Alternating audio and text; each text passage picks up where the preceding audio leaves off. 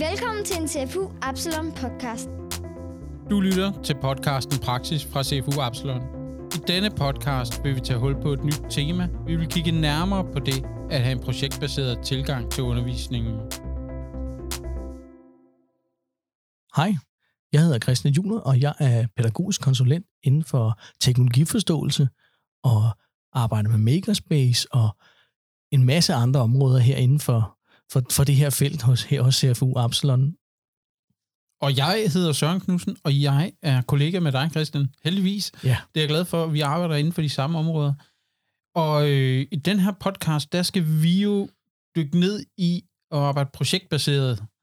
Og, øh, og det, det synes jeg, det er, det er en af de podcasts, jeg faktisk har glædet mig rigtig meget til, fordi det er en fællesnævner for rigtig mange af de ting, vi gør. Altså når vi arbejder med Makerspace, og vi arbejder med teknologiforståelse eller, eller andre ting, så er der nogle af de her ting, der giver rigtig meget mening, som jeg kan genkende i det at arbejde projektbaseret. I hvert fald i den forståelse, jeg har af det. Ja, altså det er jo i hvert fald noget, som vi er stødt på rigtig mange gange, øh, når vi har været ude og besøge skoler, eller været ude og, og arbejde med de her områder, jamen så er der jo en eller anden form for projektbaseret tilgang til undervisningen. Og, og det, er jo, det er på baggrund af det, at vi er blevet nysgerrige på, hvad er det her projektbaseret øh, undervisning? Hvad er det projektbaseret læring egentlig går ud på? Og, og, og hvad er det, altså hvad kan man egentlig, er det bare sådan ligesom i 70'erne, eller hvor man bare sagde, nu har vi det her, og så, så kaster vi alle bolde op i luften, og så er der, er der ingen struktur, eller, eller kan man rent faktisk lave det med en eller anden form for struktur? Ja, og, og så er der det her med, altså, det jeg lidt har oplevet, det er jo, at at projektbaseret arbejde projektbaseret er også noget af det, som giver mening for rigtig mange. Mm. Altså fordi, at det afspejler en virkelighed lige ja. pludselig, og det er, man, man arbejder måske med nogen, inden for nogle områder, som, som enten er til eller for nogle andre, øh, så det er meningsgivende både for underviseren og, og for børnene.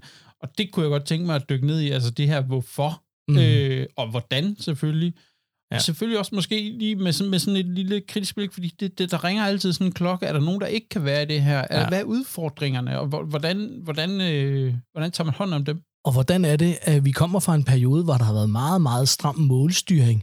Og er der egentlig en målstyring inden for projektbaseret læring, eller er det bare sådan, vi ser, hvor det går hen af, eller kan man egentlig faktisk øh, sætte nogle, nogle faglige mål op og, og, og er der overhovedet nogen form for sikring af en faglig progression i, i ens fag, hvis man arbejder projektbaseret? Og så synes jeg også, det er interessant at sige, hvordan er man så sikker, sikker på, at børnene er nået derhen? Kan man evaluere det, og hvordan gør man det? Absolut. Altså, det er, jo, det er jo det store spørgsmål altid, når vi arbejder med de her ting, som er, er sådan lidt mere uhåndgribelige, eller kompetencer, altså øh, lærer jeg at kommunikere, eller kommunikation, eller øh, øh, samarbejde, og sådan nogle ting hvordan måler vi på det? Mm. Altså, øh, og skal vi måle på det? Og, men, men i hvert fald, hvordan evaluerer vi på det? Ja. Øhm. På en eller anden måde, så, så oplever jeg i hvert fald, at der er en form for modenhed rundt omkring på skolerne til at, at kaste sig ud i det her, og der er i hvert fald en nysgerrighed øh, til at, at begynde at lave undervisning på en anden måde. Så det er jo også noget af en af de grunde til, at vi tænker, at det her det er jo super aktuelt, og forhåbentlig så øh, kan vi i de næste næste tre podcasts, som vi har planlagt lige i det her omgang. Vi, vi vender forhåbentlig tilbage også øh, senere hen, hvor vi får nogle andre vinkler på. Øhm, men forhåbentlig så kan det her være med til at, at inspirere nogen til, hvordan man kan komme i gang med at arbejde med projektbaseret undervisning. Absolut. Og her i den første podcast, der prøver vi at tage sådan et, et overordnet view. Vi kommer op i helikopteren og, og stiller nogle af de her spørgsmål med, hvordan og hvorfor. Måske ikke helt, helt så meget hvordan, og, og, og vi kommer længere og længere ned i helikopteren og kigger på, på hverdagen og hvordan øh, i de næste to podcasts. Det bliver skidespændende. En podcast, der handler om praksis. Jeg har sendt Christian i byen den her gang til en snak med Michael Teby, som er vores egen kollega inden for naturfag og også arbejder meget med projektbaseret læring og også med Søren Peter Dalby Andersen, som har gang i en hel masse forskellige projekter med skoler i forhold til at fremme det her område. Så øh, jeg vil give stafetten videre til Christian, Michael og Søren Peter.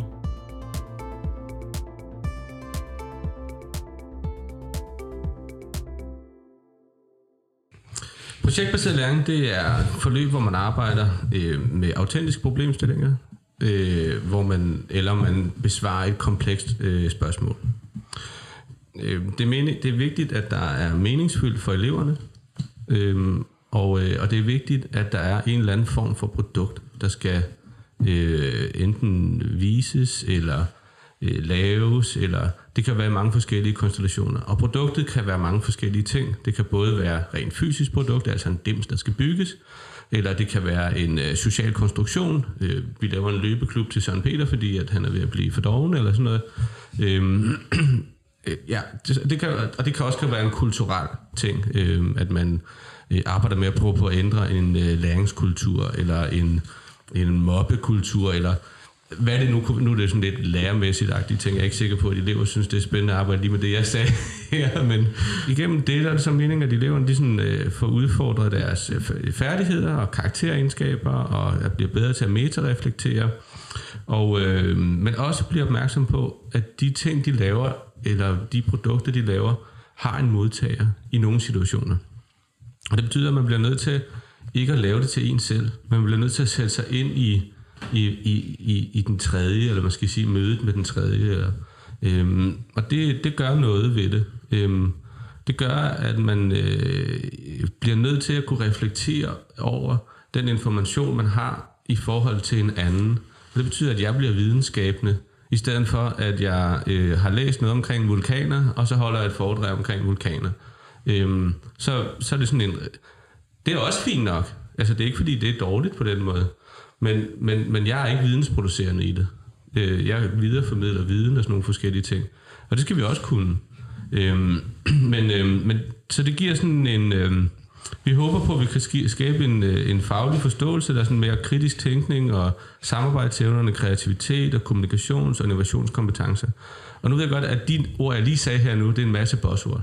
Og det er faktisk derfor, jeg har skrevet bogen det er fordi, at jeg var træt af, at der ikke var et ordentligt sprog på tværs af fagene inden for det her. Mm. Der var ikke et ordentligt sprog, når vi sagde, jamen øh, eleverne de skal have samarbejdskompetencer, eller eleverne skal være bedre til at have innovative kompetencer.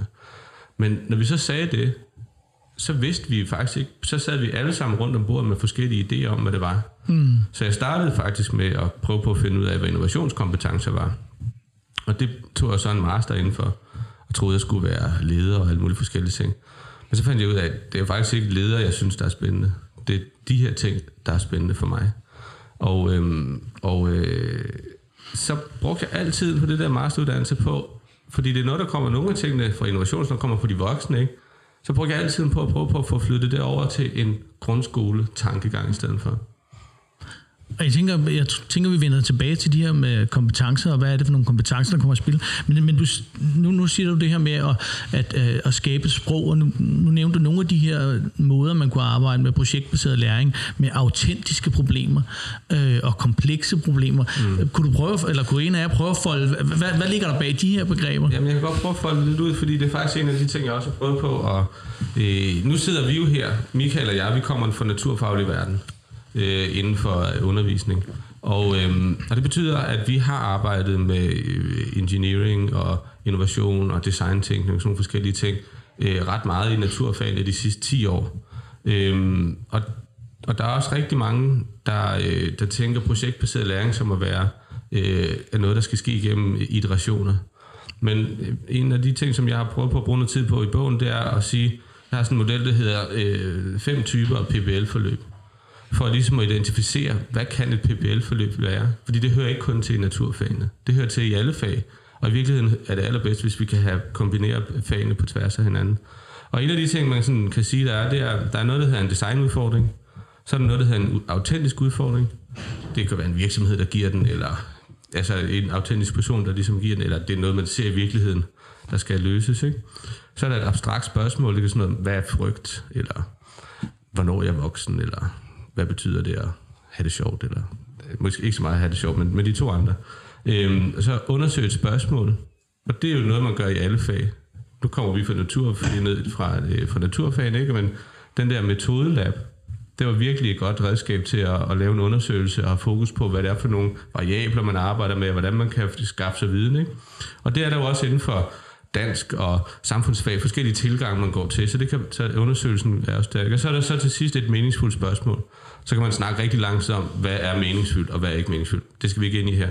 Men, men man kan så også kombinere dem, ikke? Og det, og det, det er bare, jeg synes, det er en rigtig, øh, det er en meget simpel model, men den giver et rigtig godt øh, blik på, hvor, hvor bredspektret det her i virkeligheden er. Mm. Ja, og, og, og hvordan, altså, fordi nu nævner du, at I to I fra naturfagsområderne øh, og har naturfagene som jeres øh, specialitet, men, men, men, men du lægger op til, at det her, det er ikke noget, som er specifikt til naturfagene, eller hvordan?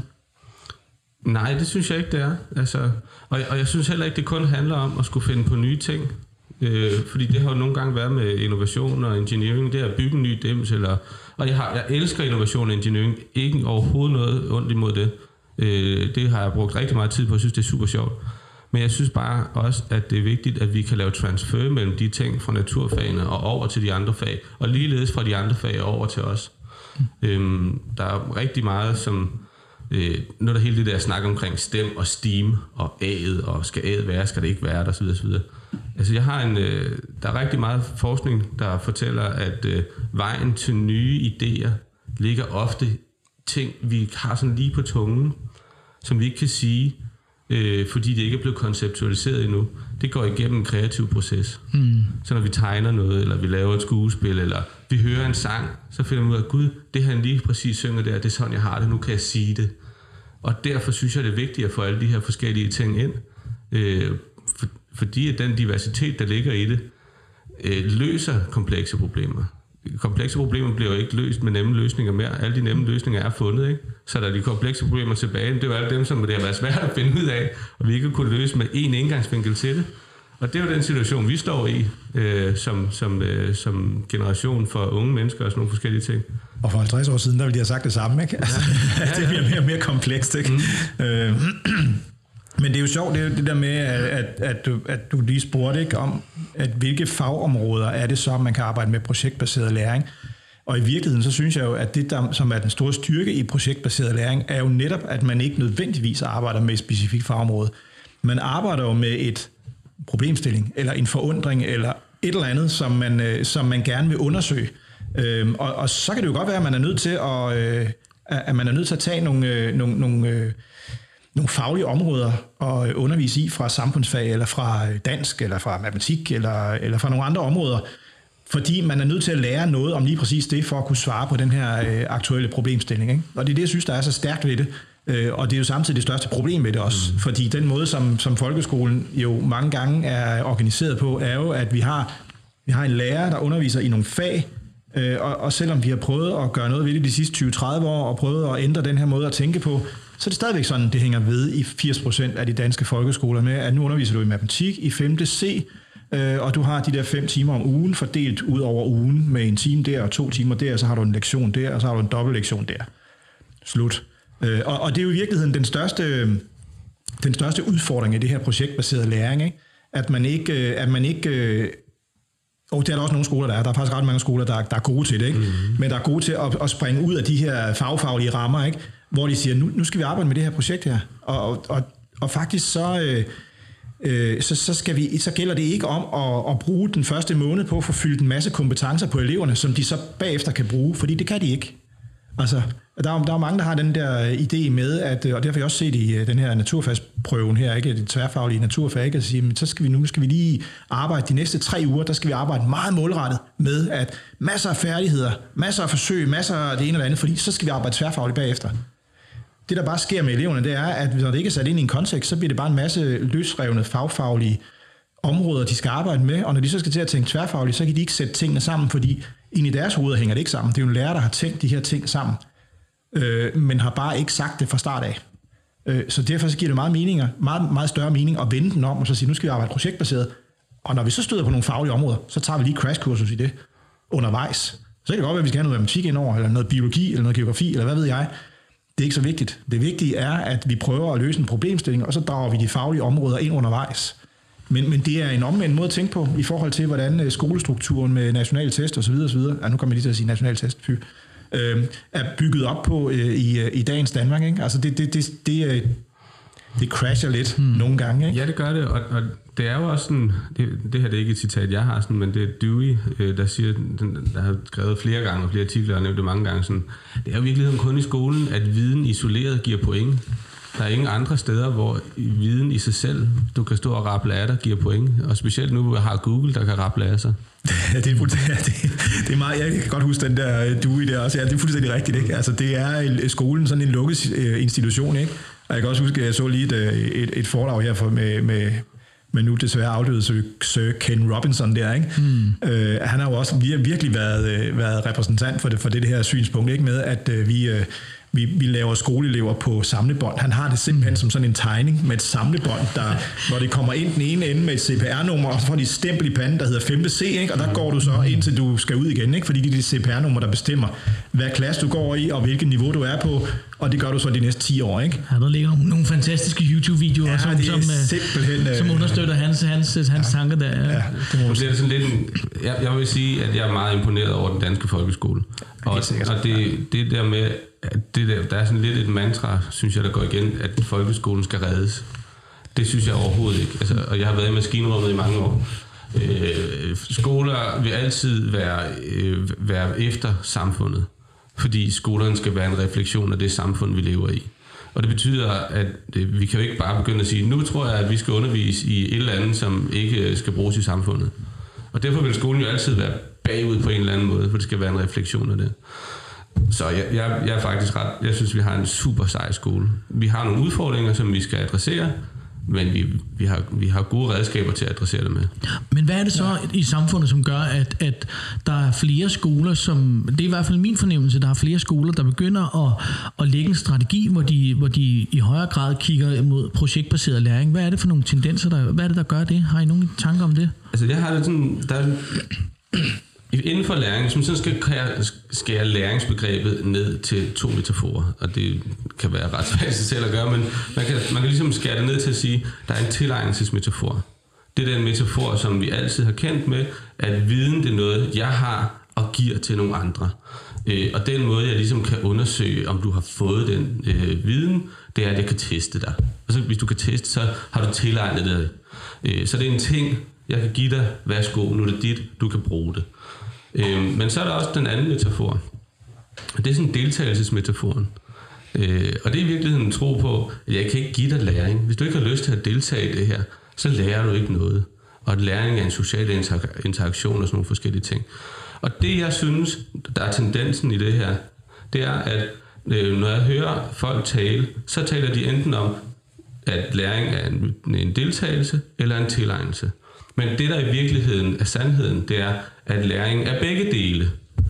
Og det betyder, at øh, vi både skal i nogle situationer bruge tilegnelsesmetaforen, når vi skal finde ud af, hvordan vi gerne vil undervise, og i andre situationer skal vi bruge deltagelsesmetaforen. Et eksempel kan være, det kan måske godt være svært. Altså, jeg kender rigtig mange elever, der har brug for at sætte sig ned og øve sig og øve sig og øve sig i at kunne lære algoritmen i at gange og dividere. Men på den anden side, så kender jeg også, ved jeg også, at sådan noget som demokrati er ikke noget, man får noget ud af at læse sig til. Det skal man leve i. For at få, og der skal man deltage i det for at få den forståelse. Så hvis jeg skal undervise omkring demokrati, jamen så skal jeg som lærer bygge det op omkring deltagelsesmetaforen. Og så er der nogle ting, altså som lov og sådan nogle forskellige ting, som jeg så skal, kan bruge tilegnelsesmetaforen i. Og hvis jeg skal have nogle andre ting, hvor det ligesom, man sige, øh, fagfaglige vidensbegreber eller sådan et eller andet, der ikke, så, så er der nogle af dem, som, hvor det sådan, det bliver jeg nødt til at bare sige, det skal du sætte dig ned og lære. Og det er nok det, som jeg synes, at det har været, det svinger jo altid med det. Jeg kan da også godt huske, at vi har lavet skolen om til en by, da jeg var lille. Men jeg er ikke sikker på, jeg var i hvert fald ikke som elev opmærksom på, hvad jeg skulle lære, udover at bage brød i bageren. Hmm. Øhm, og det er faktisk det, det er faktisk det, jeg har prøvet på at skabe den her bog her. Det er at sige, det vi gør, det er virkelig godt. Vi skal nok bare være lidt mere stærke i, hvad det er for et sprog, vi bruger, og hvor, hvor vi gerne vil hen med det. Mm. Ja, og så, og så også, som, som, som du selv siger, ikke, at vi jo, vi er jo ved at, altså det, det er jo ved at, og så småt at, at, at ske noget ude i, i den danske folkeskole, ikke? Øh, og man kan sige, det er jo, vi har jo, hvis man sammenligner med andre lande, så har vi jo en af verdens bedste skolesystemer, mener jeg også, ikke? Øh, øh, fordi man netop er, altså man, man er refleksiv derude, ikke? Øh, I, øh, i, i skoleverdenen, ikke? Podcasten Praksis stiller skarpt på projektbaseret læring. nu har vi haft fokus på, på kompetencer. Ikke? Vi lavede fælles mål om i 2013, ikke? hvor det blev kompetencebaseret, og hvor man fik delt det ud i så at sige, hvilke kompetencer, hvad er det for noget, øh, eleverne skal lære, øh, hvor det var, det, det, var, det var sådan ligesom omdrejningspunktet, ikke? Hvor, øh, hvor førhen, der er det måske mere været, hvad er det, jeg skal undervise i næste time, ikke? Så er det mere med, hvad vil jeg gerne have eleverne lære i næste time, ikke? Øh, og det er, jo lidt, det er jo lidt den der, man, man vender det lidt på hovedet, så man tager elevernes perspektiv, og så siger, hvordan skal jeg undervise i det her, sådan så jeg kan sikre mig, at eleverne lærer det her. Mm. Øh, og, og, og det har jo været en kæmpe hjælp i forhold til projektbaseret læring, fordi når du går ind i projekt og, og arbejder med projektbaseret læring, så går du også ind og, øh, og, og, og siger, hvad, hvad, hvad, hvad er udgangspunktet? Hvad skal udgangspunktet være for, at eleverne er i stand til at løse den her problemstilling eller den her udfordring? Eller eller den her forundring, som vi har, eller det her emne eller område, vi arbejder med, hvad er det så, de skal lære for at være i stand til at løse det? Mm. Og så er vi jo inde og tænke i kompetencer, så er vi inde og tænke i, hvad er det for nogle kompetencer, som eleverne skal erhverve sig? For vi kan jo ikke bare fylde dem på som sådan en øh, tankpasser-pædagogik. Det er jo sådan lidt... Øh, øh, det er jo sådan lidt en, øh, vi overgiver viden, som også du sagde før, Søren Peter, ikke? at det, det, er jo ikke, det er jo ikke den måde, at eleverne lærer på øh, nødvendigvis. Og, øhm, og, og hvad så. er det så for nogle kompetencer, som projektbaseret læring er, er særligt anvendelige til at udvikle for børnene? Jamen altså, projektbaseret læring, er, det, det kan godt være, at vi skal tage nogle af, dine, øh, nogle af de ting fra din bog, Søren Peter, der, for du har faktisk været ret skarp på, hvad det er for nogle øh, kompetencer som projektbaseret læring. Vi har valgt i, øh, i bogen, har vi valgt at, at lægge os op af noget, der hedder firedimensionel læring.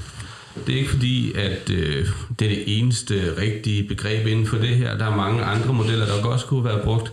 Øh, jeg var bare så heldig at, have, at, at, at være på Harvard og tale sammen med ham, der har øh, den didaktiske leder af Harvards didaktiske afdeling, øh, og fik lov til at, at, at bruge den. Øhm, den er også oversat til dansk, og det er faktisk en rigtig god bog, der er værd at læse. Øhm, men den sætter øh, de her de ting, som vi prøver på at kalde for 2100 øh, elever eller studerende, eller hvad man nu skal sige, sætter han ligesom op i fire dimensioner, ting de skal, øh, vi prøver på at arbejde hen imod. Og øh, den ene dimension, det er viden. Øh, altså det er alle de ting, der står i, i øh, at man skal kunne gange og plus og minus, og hvad, hvor, hvor varm er lava, eller hvad det nu kunne være. Ikke? Øh, og så er der så noget, der hedder færdigheder. Og færdigheder i den her situation her, øh, kan man nok sætte lighedstegn med imellem det ord, som da vi gik på seminariet, der hed handlekompetencer. Øh, groft oversat, uden at være, jeg ved godt, jeg filer rigtig meget af det her nu, så det, som vi kalder for handlekompetencer, det er lidt det, man kalder for 2100 skills nu, eller 4K-kompetencer. Og, øhm, og så det er så den, øh, det er altså, hvordan kan vi bruge den viden, vi har? Hvordan anvender vi den? Men så øh, pointerer han så også, at der er noget, der hedder karakteregenskaber. Og det er ikke fordi, vi skal give karakter på elevernes karakter, men vi skal tale med dem om, hvordan, ud, hvordan møder man udfordringer. Og hvad for nogle redskaber kan man bruge, når man møder udfordringer. Både når udfordringen er nem for mig, eller når udfordringen er svær for mig. Øh, eller hvis den er ligegyldig for mig. Så skal vi give dem nogle redskaber i forhold til, hvordan man gør det. Og det kan både være sådan noget som vedholdenhed, og vedholdenhed betyder ikke, at jeg bare bliver ved i 20 minutter, hvor jeg sidste gang gjorde det i 10 minutter. Det, øh, det er der, der er nogle gange nogle børn, der tror, jeg har været virkelig vedholdende, fordi den her gang, der brugte jeg 20 minutter, mm. sidste gang brugte jeg kun 5. Mm. Ah, det er måske ikke lige det, men det er der sådan nogle didaktiske beskrivelser på, hvordan man kan tale om det. Øhm, men det er også noget som lederskab og etik, og øh, hvordan er jeg i gruppen sammen med de andre, og sådan nogle forskellige ting. Og så den sidste dimension, det er metalæring. Det er at reflektere over de, øh, de ting, vi nu har været. Og den sidste dimension er måske sådan lidt svær at trække ud, fordi det ligger jo lidt i de andre, og øh, hele tiden som en underliggende ting. Øh, men den er vigtig at trække ud, fordi det skal ikke bare blive et underpunkt på de andre. Mm. Den, selvom den er besværlig ligesom at trække ud og have for sig selv, så er det vigtigt, så det ikke bare bliver et underpunkt. Så den ligger i virkeligheden som sådan en cirkel udenom de tre andre, og, og, og så er der nogle overlap på dem. Ikke? Så det, man kan ikke øh, sådan er vores samfund jo. Vi kan ikke bare sige, nu har vi kun med viden at gøre. Det, det, sådan fungerer det ikke. Men det er ligesom de, det er de fire dimensioner. Øhm, og der har vi så lavet modeller til i bogen, der, øh, der giver øh, didaktiske redskaber til hver af de fire øh, hvad hedder det, dimensioner. Man skal sige noget omkring sådan noget af det, som eleverne er blevet talt meget om, at eleverne skal have. Det er sådan noget innovation, innovative kompetencer. Og øh, det tænkte jeg, da jeg fik, der var jeg stadigvæk skolelærer, eller jeg synes jo stadig i hjertet, jeg er skolelærer, men jeg ved godt, at jeg ikke har 28 elever, 28 lektioner om ugen og forældresamtaler og alle sådan forskellige ting. Øhm, så, øhm, så derfor er jeg ikke skolelærer. Men, øhm, men grunden til, at jeg blev ligesom begyndt at skrive noget omkring det her, det var fordi, at vi skulle lave de her innovationskompetencer hos eleverne. Og, øh, og i starten, der troede jeg, det var fordi, at de ligesom ikke havde gjort arbejdet ordentligt, at de ikke vidste, hvad det gik ud på. At det var fordi, de ikke havde undersøgt feltet nok. Indtil jeg ligesom satte mig ind i det, så fandt jeg ud af, det er fordi, det er et forholdsvis nyt didaktisk område. Mm. Innovation i sig selv som proces for voksne mennesker og virksomheder er, er noget gammelt noget. Ja, gammelt og gammelt, men det, det har været noget, der har været lang tid. Ikke? Et veletableret område, kan man sige. Ja, men, men, men, men, men der er der jo et formål som virksomhed, vi skal tjene nogle penge og lave produkter mm. eller nogle forskellige ting. Det er jo ikke i en skolesituation. Der kan mm. vi ikke sige, øh, at øh, jeg er faktisk ligeglad med, at du synes, det var en fed proces det her. Bare du har lavet et produkt, jeg kan sælge. så det er virksomheder ikke, men altså, man kan godt skære lidt på den måde. Øh, I skolen der er det jo læringen, der, der, øh, der, der, der, hvad hedder det, der er det vigtige. Og det betyder også, at hvis man nu sætter dem til at lave en, en dems eller en ny kop, så giver det ikke mening for os at kun vurdere, er det en god kop eller en dårlig kop. Mm. Fordi en dårlig kop kan jo godt have været super god læring. Og en god kop kan jo godt bare være super heldig, at jeg tilfældigvis har lavet en god kop, fordi jeg lige øh, var heldig den her gang, men jeg kan ikke gøre det næste gang. Mm. Og den, der har lavet en dårlig kop, kan måske lave en god proces næste gang, men den, der har lavet en god kop, kan måske ikke. Mm. Men det er jo lige præcis det, det, det drejer sig om i, i skolen, ikke? Altså, som også du snakker om før, ikke? Men det der med, at det skal være, at, at skolen skal afspejle virkeligheden, ikke? Mm. Så, så de her processer skal vi jo på en eller anden måde øh, hvad kan man sige, træne eleverne i. Eller, altså, de, de, skal have, de skal have mødt de her processer i skolen, ikke? fordi det er det, man efterspørger ude i, øh, ude i virkeligheden, var jeg lige vil sige. Ikke? Øh, og det var jo også baggrunden for, at, at naturfagsprøven i sin tid, ikke? At, vi, øh, at, at vi gjorde så meget, lavede så meget krudt med den. Ikke? Altså, det startede jo helt tilbage i 2004-5 stykker. Ikke? begyndte vi at, at tænke fagene sammen. Ikke? Man siger, hvad, hvad, er det egentlig, hvad er det egentlig, vi gerne vil have, at eleverne skal lære i naturfag eller i, det, i science-området? Ikke? Øh, jamen giver det så mening at, at, at fokusere målrettet på fysik-kemi og gå op i fysik-kemi alene. Øh, og, og, det, øh, og, og det var vi allerede begyndt at stille spørgsmålstegn ved allerede tilbage i år 2000, ikke, da vi lavede fleksibel skole, ikke, fordi der havde vi bare naturfag. Mm. Og når vi var på naturskolen, ikke, jamen, øh, så det første, første gang, det gik op for os, at der, der var sgu et eller andet, som vi var nødt til at, at, at lære eleverne i et lidt andet tværfagligt. Det var da vi skulle undersøge en, bio, en ret speciel biotop, sådan en brunvandet øh, øh tørvemose, ikke? Øh, fordi de havde jo allerede, de havde jo alle, nu går vi ind, nu bliver vi lidt naturfagsnørdet, ikke? Men, men man kan jo lave sådan en, øh, en, sådan en makroskopisk øh, analyse af, hvilke dyr og hvilke planter og hvilke ting er til stede, på, og så kan man, så kan man øh, vurdere vandkvaliteten ud fra det. Problemet er bare lidt, at når man har en biotop som en brunvandet mose, så er den ikke nødvendigvis dårlig i vandkvaliteten, så har den bare nogle, så er det bare et økosystem, der er tilpasset nogle bestemte forhold, som gør, at man ikke kan bruge makroindeksmetoden til at, at kategorisere det så er vi nødt til at lære noget om syrebaser, fordi det er faktisk surt miljø, vi er der i. Vi er også nødt til at finde ud af, hvor meget sol kommer der ned i den her mose. Ikke? Jamen, så skal vi finde ud af noget, hvordan er solens placering henover. Nu lå den inde i en skov. Hvordan, øh, hvor meget sollys får den egentlig i løbet af dagen på forskellige årstider. Det er geografi. Så der er lige pludselig så er der nogle, der, der kommer lige pludselig nogle kompetencer, som man er nødt til at give eleverne, for at de kan forstå et simpelt, ja ikke simpelt, det ved jeg ikke, om det, man kan sige det, men, men for at kunne forstå en, øh, et økosystem i biologi så er de nødt til at have nogle fysik-kemi-kompetencer og nogle geografikompetencer. Og det er jo egentlig et eksempel på, at nogle gange, når vi stiller nogle spørgsmål og gerne vil undersøge nogle ting, så er det ikke bare, øh, altså så er vi nødt til at gøre det projektbaseret. Fordi ellers så, så, så kan vi ikke, øh, vi kan ikke løse de problemstillinger, hvis vi bare tænker øh, ensporet fagfagligt. Mm. Og så kan det være nogle gange, så kan det være rigtig sjovt, det er også det, du har med, det er ikke med, med, med færdigheder. Øh, jamen selvfølgelig er det vigtigt med færdigheder, og selvfølgelig skal vi jo heller ikke tænke projektbaseret hele tiden, fordi vi er jo også nødt til at oparbejde nogle færdigheder en gang imellem. Men eleverne skal se den der sammenhæng, og at de faktisk skal bruge deres færdigheder. Og nu fik vi brug for den der færdighed. Jamen, hvorfor er det vigtigt, at vi arbejder med syrebaser? Jamen, det er for at kunne forstå nogle ting ude i, ude i samfundet. Det er for at kunne forstå nogle sammenhæng, som, som er alle steder og, og omkring os. Podcasten Praksis stiller skarp på projektbaseret læring. Jeg kunne godt tænke mig, at vi måske drejer os hen på at sige, men hvis man nu sidder som, som lærer, eller som skole, eller som kommune, og tænker, det her, det, det er noget for os. Vi kunne rigtig godt tænke os at bevæge os den her vej. Øh, hvordan starter man så? Altså, hvordan skal man lægge for land, hvis man kan sige det sådan, øh, med at komme i gang med at arbejde med projektbaseret læring? Altså, det kommer lidt an på, om man øh, som lærer tænker, det næste fordybelsesuge, eller det næste 14 dage, eller et eller andet, vi skal lave noget, vil vi begynde at arbejde med det her. Mm. Øhm, eller om man er skole, der gerne vil det. Hvis man er, hvis man er lærer, der tænker, eller et lærerteam, der tænker, vi vil prøve næste gang, vi skal lave en, øh, et lidt længerevarende forløb, der vi prøver på at lave noget projektbaseret læring. Det kan man jo starte med at øh, gå ind på Klimacirkus hjemmeside. Der ligger en hel masse under det fan, der hedder øh, didaktik. Der ligger en masse modeller gratis, man kan downloade osv. Øhm, og hvis man så synes, det er rigtig spændende, så kan man købe den bog, som vi har lavet. Men en af de øh, ting, som vi også har udviklet, det er, når man ligesom har, når man ligesom har fundet ud af, om man vil arbejde med en af de fem øh, hvad hedder det, PBL-forløb, som jeg beskrev tidligere, så skal man også hvad hedder det, planlægge øh, selve undervisningen og designe den. Der kommer man til udgangspunkt i den model, vi har lavet, der hedder de otte grundelementer. Og øhm, der lister vi op forskellige ting, som øh, giver mening at tage med i sin, øh, sit forløb. Og det skal, nu kan vi sige de otte grundelementer, men det skal ikke ses på den måde, at man skal have alle otte med.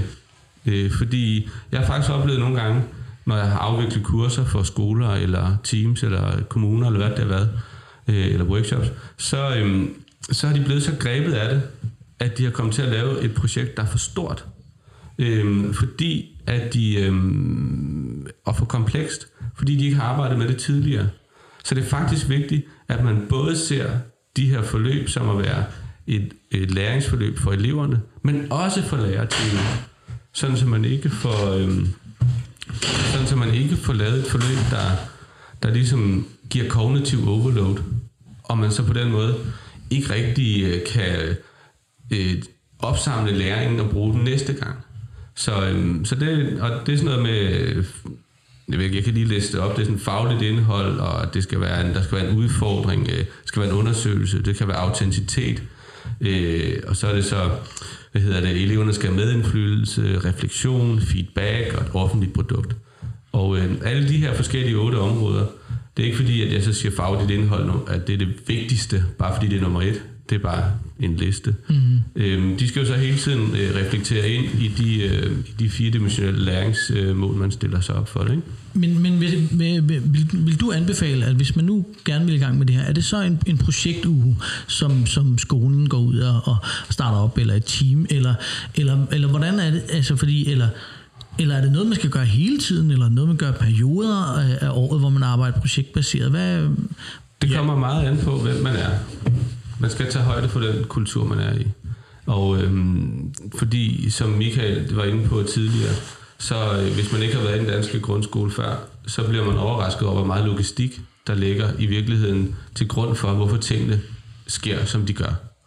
Øhm, og det, så, så nogle gange, hvis man for eksempel i Høje-Tostrup, der, er de, der satser de rigtig meget på det her, og har brugt de sidste par år på at, at lave om øh, til, at de vil gerne have mere af det her ind, øhm, så er det faktisk også rigtig mange af den, øh, af den læringskultur, man har på skolen og i kommunen, man skal til at kigge på. Mm. Og den måde, man simpelthen driver hele systemet.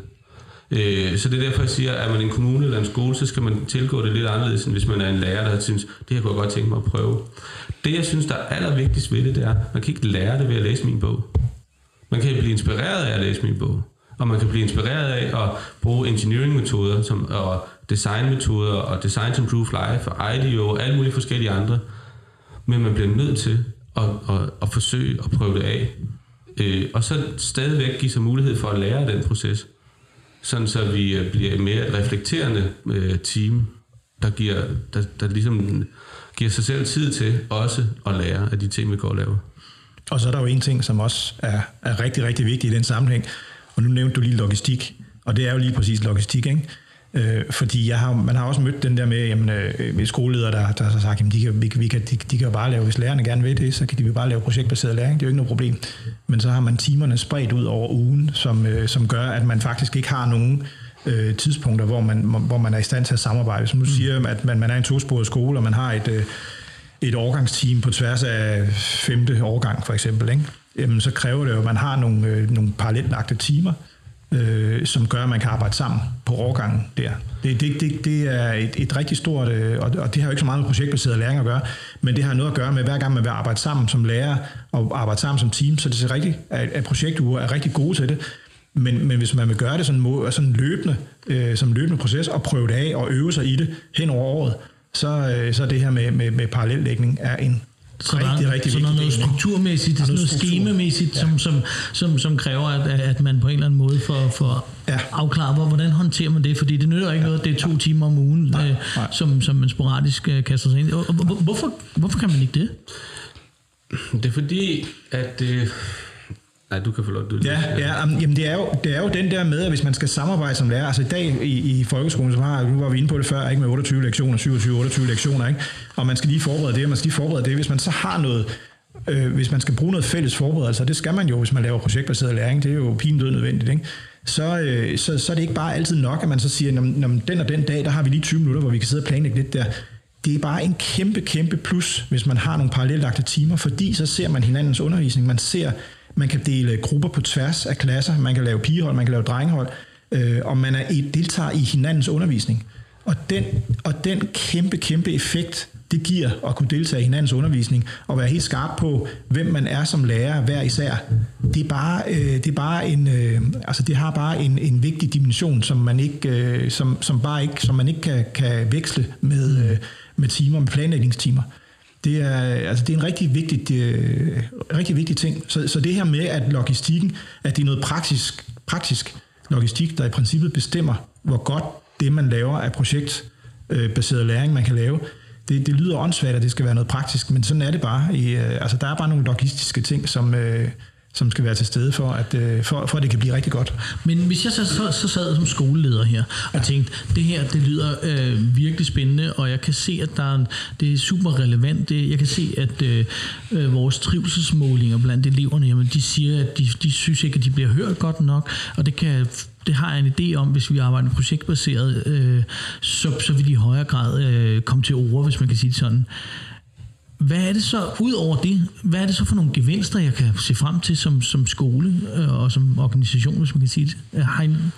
Jamen, der er jo dels, altså dels det, nu, nu, har jeg jo, nu kan jeg jo kun uh, trække på, uh, på de erfaringer, vi havde med fleksibel skole i sin tid, ikke?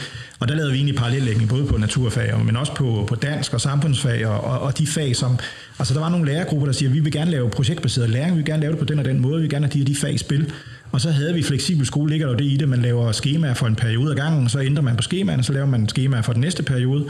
Øh, så der blev egentlig mulighed for, at man kunne, man kunne øh, øh hvad kan man kunne parallellægge forskellige typer af, af, af, af faglige øh, lektioner i løbet af ugen. For eksempel så havde vi naturfag, vi havde en hel dag, der bare handlede om naturfag, og det var parallelt lagt på hele årgangen. Så vi var to naturfagslærer, to klasser, naturfag hele dagen. Øh, og det giver nogle, øh, nogle fantastiske muligheder, hvis man vil ud og, ind, ud og besøge nogle uden, uden for skolen. Man skal ikke øh, til at planlægge med en masse faglærer, som så skal have deres timer på et andet tidspunkt.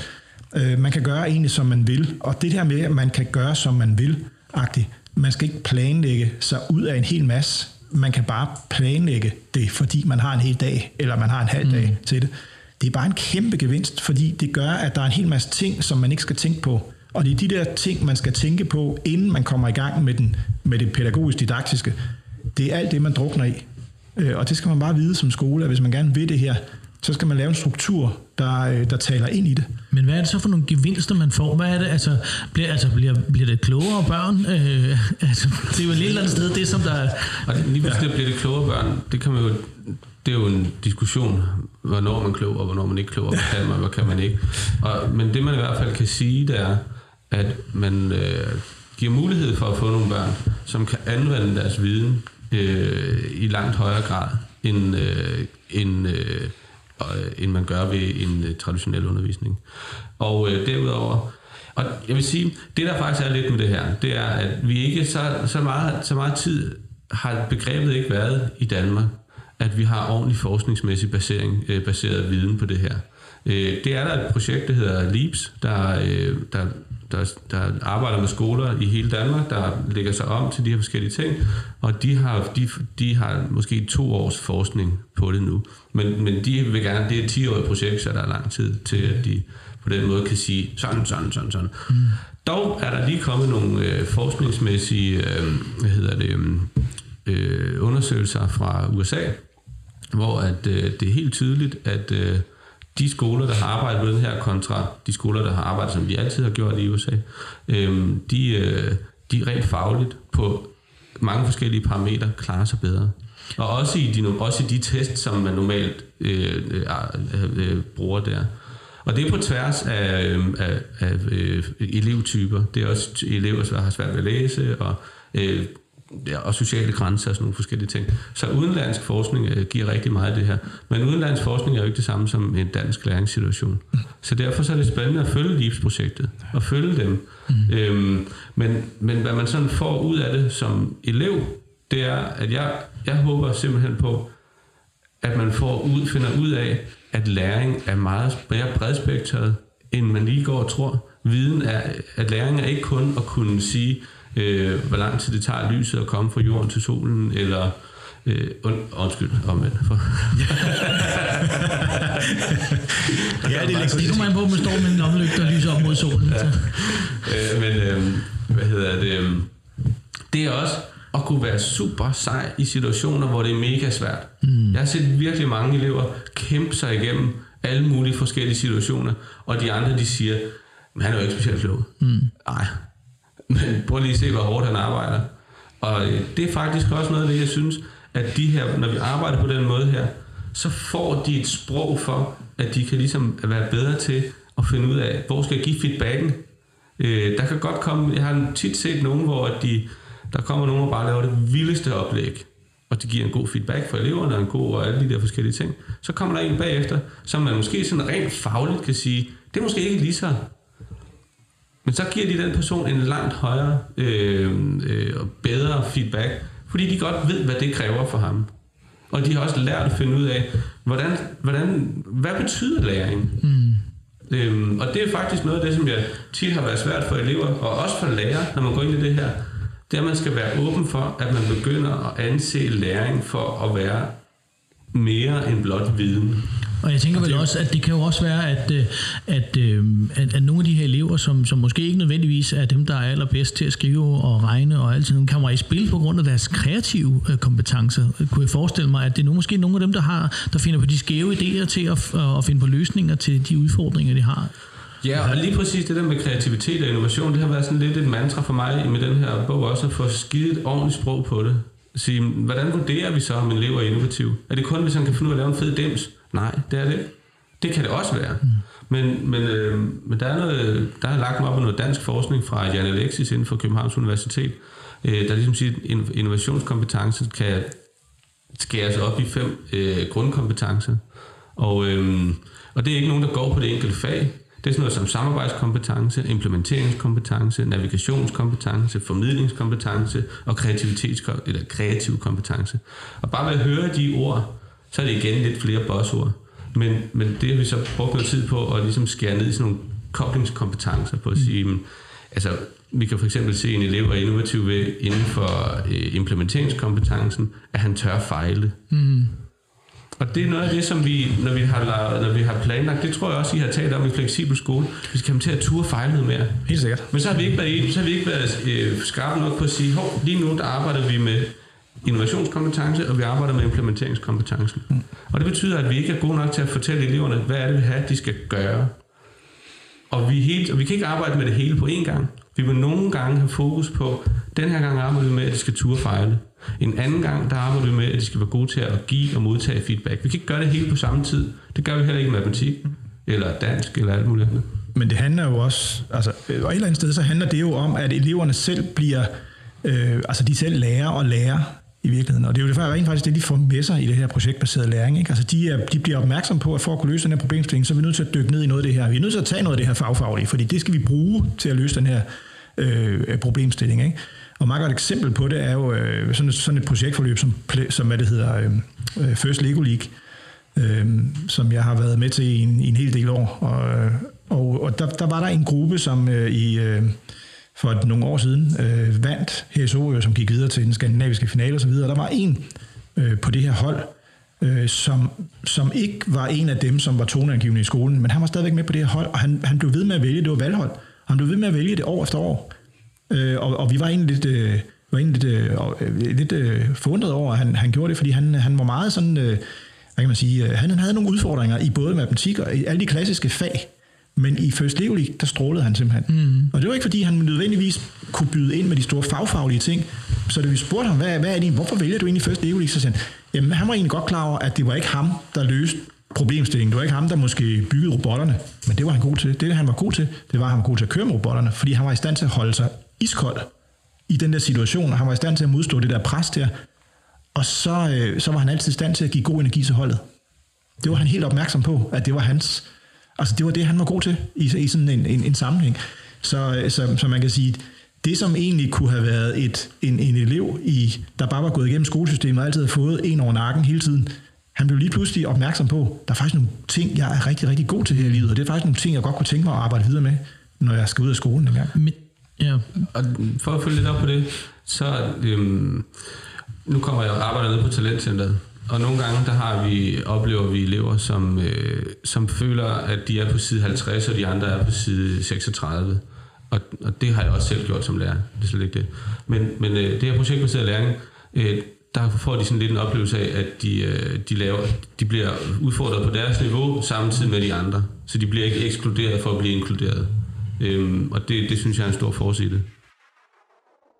Podcasten Praksis stiller skarpt på projektbaseret læring.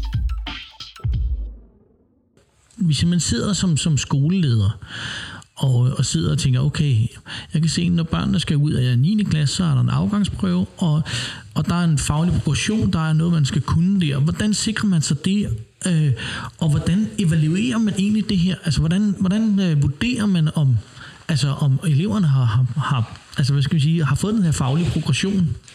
i projektbaseret læring. Hvordan, hvordan håndterer man det? Man skal være iskold.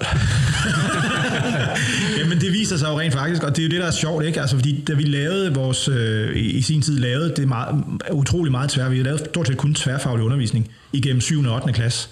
Og så lige pludselig, så, så skulle de jo stadigvæk til en fysik-kemi-afgangsprøve. Det var jo inden den naturfaglige prøve der, ikke? Og vi var sådan lidt spændt på, at vi kan vide, hvordan det går. De har jo ikke haft specifik fysik-kemi i 7. og 8. klasse, og eleverne var også sådan lidt, hvorfor skal vi tage fysik-kemi nu? Vi har jo ikke haft andet end naturfag. Vi har jo aldrig haft biologi og geografi og fysik-kemi. Jo, vi har været i fysik-kemi-lokalet. Det var den eneste grund til, at de kunne sige, at det er fysik-kemi, fordi det var, når vi var inde i lokalet, så var det jo ligesom fysik-kemi-agtigt. Der var jo ikke noget biologi, jo, der var også biologifaglokale, men der var ikke noget geografifaglokale, så derfor så var det sådan lidt, jamen de havde jo aldrig haft geografi.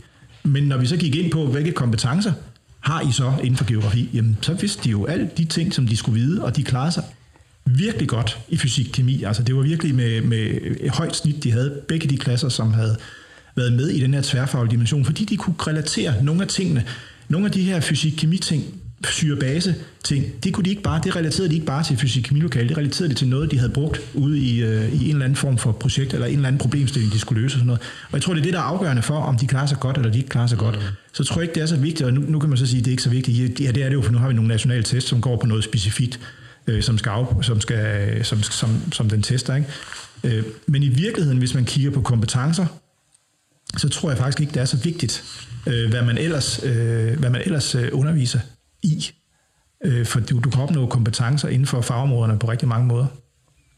Jeg vil sige, når du spørger på den måde, så er det også en, sige, det er jo et vigtigt spørgsmål. Ja.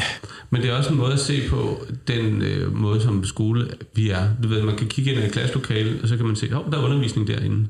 Fordi at vi, når folk sidder og bruger på den måde, der står en op foran, så er det undervisning. Øhm, og det øh, vil man måske ikke opleve, hvis øh, man kiggede ind her nu, så vil man bare se tre, der sidder og kigger, taler ind i en mikrofon, så tænker, at de laver nok et radioprogram, men de vil ikke tænke, at det er undervisning.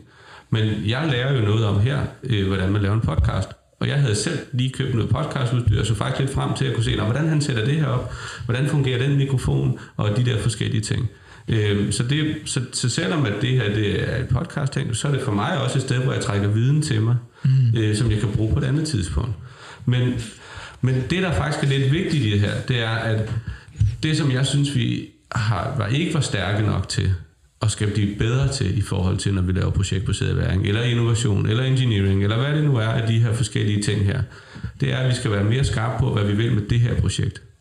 Hvad skal de lære af det her projekt rent fagligt, og hvad skal de lære af det her projekt rent øhm, i forhold til øh, deltagelsesmetaforen, som vi taler om. Det kan være samarbejde, eller vedholdenhed, eller feedback, hvad det nu kan være inden for de der. Og der skal vi være meget mere skarpe på, hvad laver vi i det her projekt? Og hvordan laver vi en taksonomi, så de kan bygge ovenpå? Fordi jeg synes, jeg nogle gange, når jeg ser tilbage på min øh, lærergærning, jeg har solgt eleverne i forhold til øh, en projektopgave, hvor de, simpelthen- så skal vi selvfølgelig aflevere et eller andet, men de skal også lige lave en log, hvor I skriver om, hvordan I samarbejder. Og de ved jo slet ikke, hvad de skal skrive omkring. Fordi vi har ikke fortalt dem omkring, hvad, hvad, hvad betyder samarbejde? Hvad giver det til, til udtryk? Øhm, hvor de så ikke har lyst til at skrive ned, hvis det er gået, hvis de er skændtes eller været uenige. Men det er jo faktisk rigtig vigtigt, at de får skrevet ned, hvordan de så løste det. Og ja, så, så, så jeg nogle gange, så synes jeg, at vi sælger eleverne, når vi ikke får dem fortalt ordentligt det. Og det er det, jeg har brugt rigtig lang tid på i den her bog her. Det er at lave nogle rigtig gode metoder og nogle rigtig gode modeller til at beskrive mit didaktiske arbejde med det her. Fordi det er ikke bare et find på, hvad du har lyst til for eleverne. Og det er også derfor, når man sådan siger, hvad er så lærerrollen? Jamen, han er facilitator. Mm. Nej.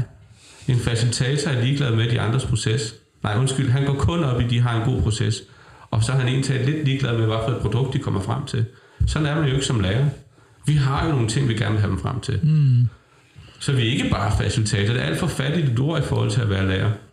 Men der er dele af facilitatorrollen, som er, bliver trukket mere ind i det. Ikke? Men vi har jo et mål med, jeg vil have, at de lærer om luxniveauet. Jeg vil have, at de lærer at kunne finde ud af at lave et spørgeskema, hvis man skal trække noget øh, humanistisk ind. Øhm, og så videre, så videre, så videre. Men der er det bare vigtigt, at vi bliver mere specifikke på, hvad skal vi i det her projekt? Og hvordan kan vi så bruge det, vi lærte i det her projekt, til næste projekt, vi kan bygge ovenpå?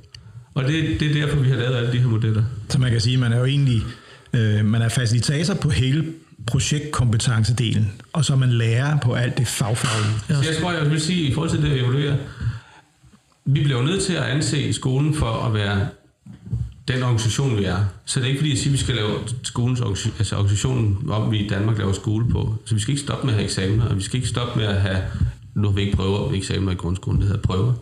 Øhm, men øhm, så det her, det skal jo fungere i den skolekultur, vi har i Danmark. Og det er det, jeg synes, der er vigtigt ved det. Og det er også derfor, jeg siger, at vi kan ikke bare tage amerikansk øh, forskning og så sige, at det er også sådan, det er i Danmark.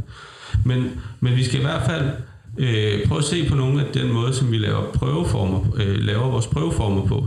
Og øh, nogle af den, nu er prøveformen i naturfag øh, blevet lavet om i forhold til, da jeg startede.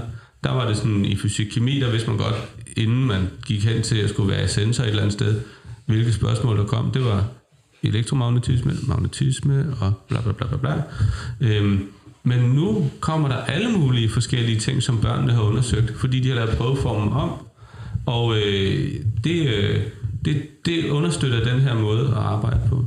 Der er der så nogle andre måder øh, i, i de andre fag, der ikke, der ikke har ændret deres, øh, deres prøveform. Det er ikke fordi, jeg siger, at prøveformen skal laves om, men, men man skal i hvert fald tænke over, hvordan øh, man, man, hvilke spørgsmål man stiller til, hvordan man skal evaluere tingene. Og hvad er det, man gerne vil evaluere på, tænker jeg også. Hvad er det for nogen, man gerne vil have ud i den anden ende? Ikke? Altså, Ja, hvad er det for nogle elever, man gerne vil have ud? Hvad er det, de skal, er, det, er det vigtigt, at de kan løse en multiple choice med x antal rigtige øh, svar i biologi? Ikke? Eller vil man gerne have, at de rent faktisk kan forholde sig til en forholdsvis pro- kompleks problemstilling? Ikke? Mm. Og, og, det, og det kommer faktisk, nu har jeg været konsulent øh, øh, og jeg har talt med skoleledere, der, øh, der skal implementere de her ting her. Og der har der for eksempel Dansborgskolen i Hvidovre, de har, deres 9. årgang har gået, de er gået til deres projektprøve ved at få en øh, udefra kommende øh, problemstilling, som de skal løse gennem forskellige øh, hvad hedder det, iterative processer. Og, øh, og det har de været rigtig glade for. Men det kan være svært at holde ved som skole, fordi at øh, de spørgsmål, der kommer fra forvaltningen, er stadigvæk de samme spørgsmål som førhen. Mm. Og det betyder, at de, de spørgsmål er jo lavet ud fra en anden måde at lave skole på. Så det kan være svært ligesom at, at, at blive ved med at lave de her øh, lave den, og den her form for undervisning, hvis man ikke også har en dialog omkring i sådan rent kommunalt, øh, at, hvad spørger vi om? Hvordan ser vi, om tingene fungerer? Er det kun det ene eller andet, eller tredje eller fjerde? Mm. Så det er, øh, ja. Jeg har ikke svaret på det her, kunne du godt høre.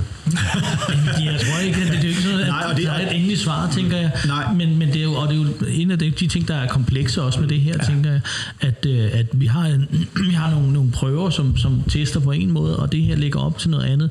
Og, og jeg tror, der er ikke nogen tvivl om, at at, at, at det skal nok også forandre sig, hvis, hvis, hvis man skal sige, at vi skal øh, gå endnu mere ind i projektbaseret læring, øh, for netop at, at kunne evaluere på, på den rigtige måde, øh, og evaluere på de kompetencer, som man, som man oparbejder her.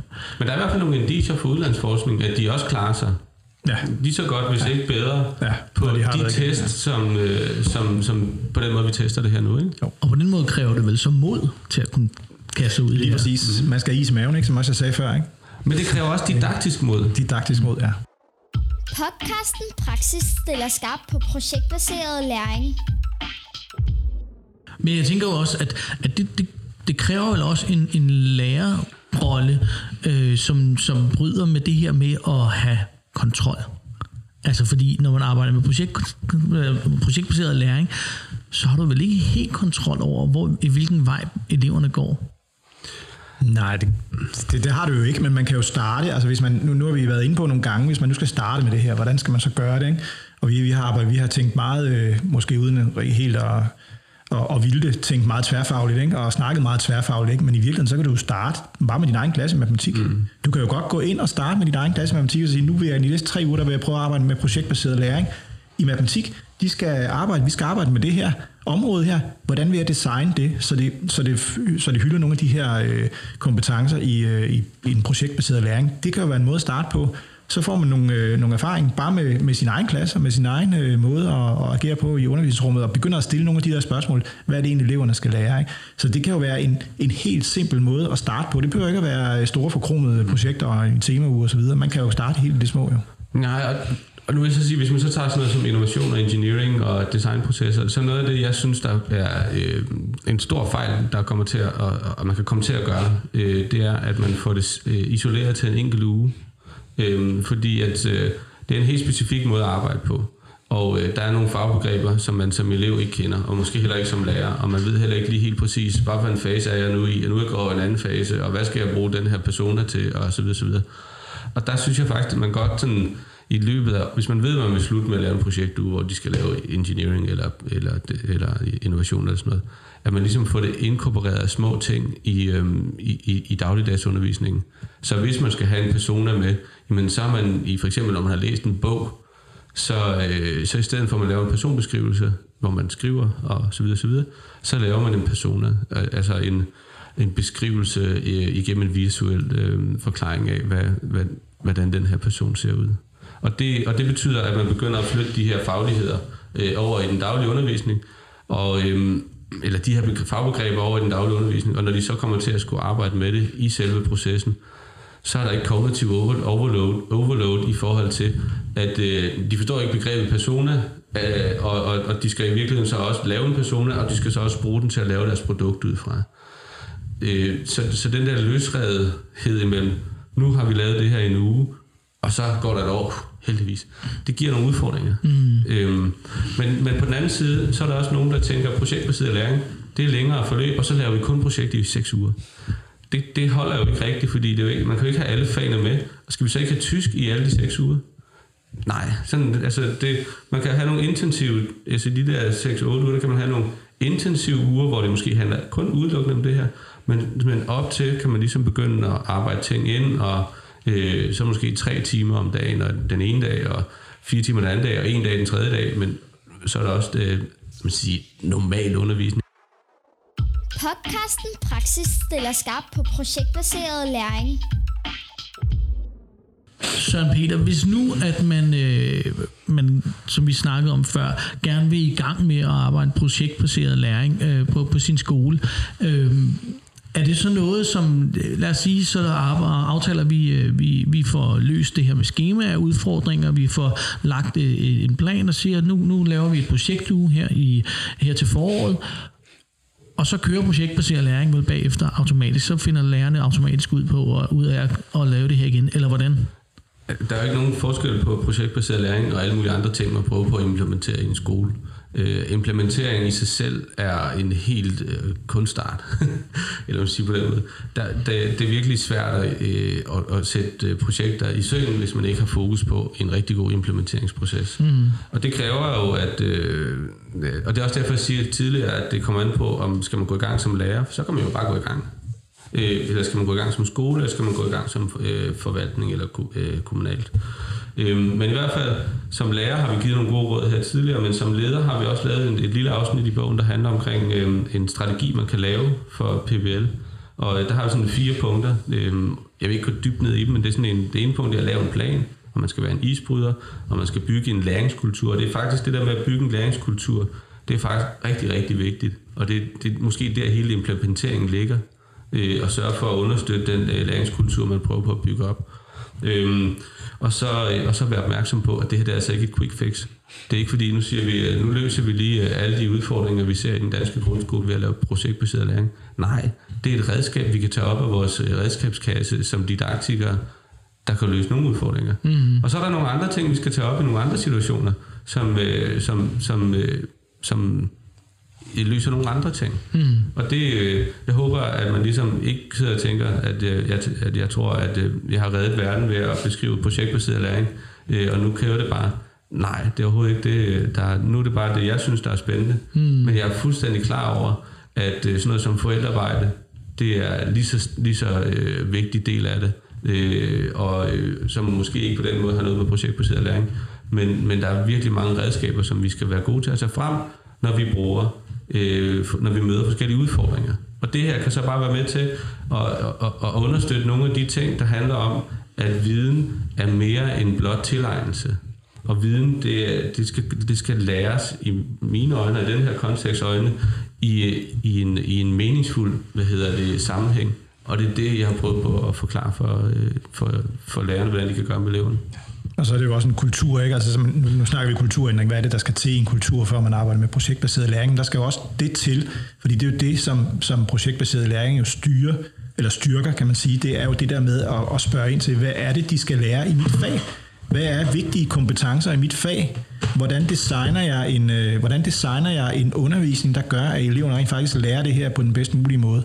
Øh, og det er jo nogle spørgsmål, man, øh, man, man, man skal skabe i, i en skolekultur, Øh, fordi der er jo mange stadigvæk, øh, der gør nu, der, der tænker fra time til time, hvad skal jeg lige undervise i i næste time? Ikke? Men allerede når man, når man tænker på, hvad skal jeg undervise i i næste time, så skal man have stillet et andet spørgsmål først, nemlig, hvad skal eleverne lære i næste time? Og hvad skal de lære i løbet af det her to ugers, tre ugers forløb? Øh, og, og det er det, jeg mener, der, der kan, altså, det, det er jo sådan nogle ting, man er nødt til at, altså, er man nødt til at vente om, når man skal arbejde med projektbaseret læring, og det bliver man jo tvunget til, også når man skal arbejde med projektbaseret læring, der bliver man tvunget til at stille de der spørgsmål, fordi ellers så giver det ikke mening at arbejde med det. Så, så, så hele skolekulturen handler også om at, at kigge med en kompetencevinkel på, øh, på sin undervisning og på, sit, på skolesystemet i virkeligheden og på hele skolen. Ikke? Jeg vil sige tusind tak til, til dig, Søren Peter, og også til dig, Michael Schiby, fordi I havde lyst til at, at være med til at og ligesom føre os ind i, i, i projektbaseret læringslandskabet. En podcast, der handler om praksis. Søren Peter nævnte det her, de her LIPS-projekter, og livsprojekter er et, øh, en tilgang til projektbaseret læring. Og næste gang besøger vi skolen på Hadersåsen i Kalundborg, som er gået fuldt ind i det her med at arbejde med projektbaseret læring. Vi kigger på, øh, hvordan man gør det som skole, og hvordan man gør det i undervisningen. Så lyt med næste gang, hvor vi går tæt på praksis.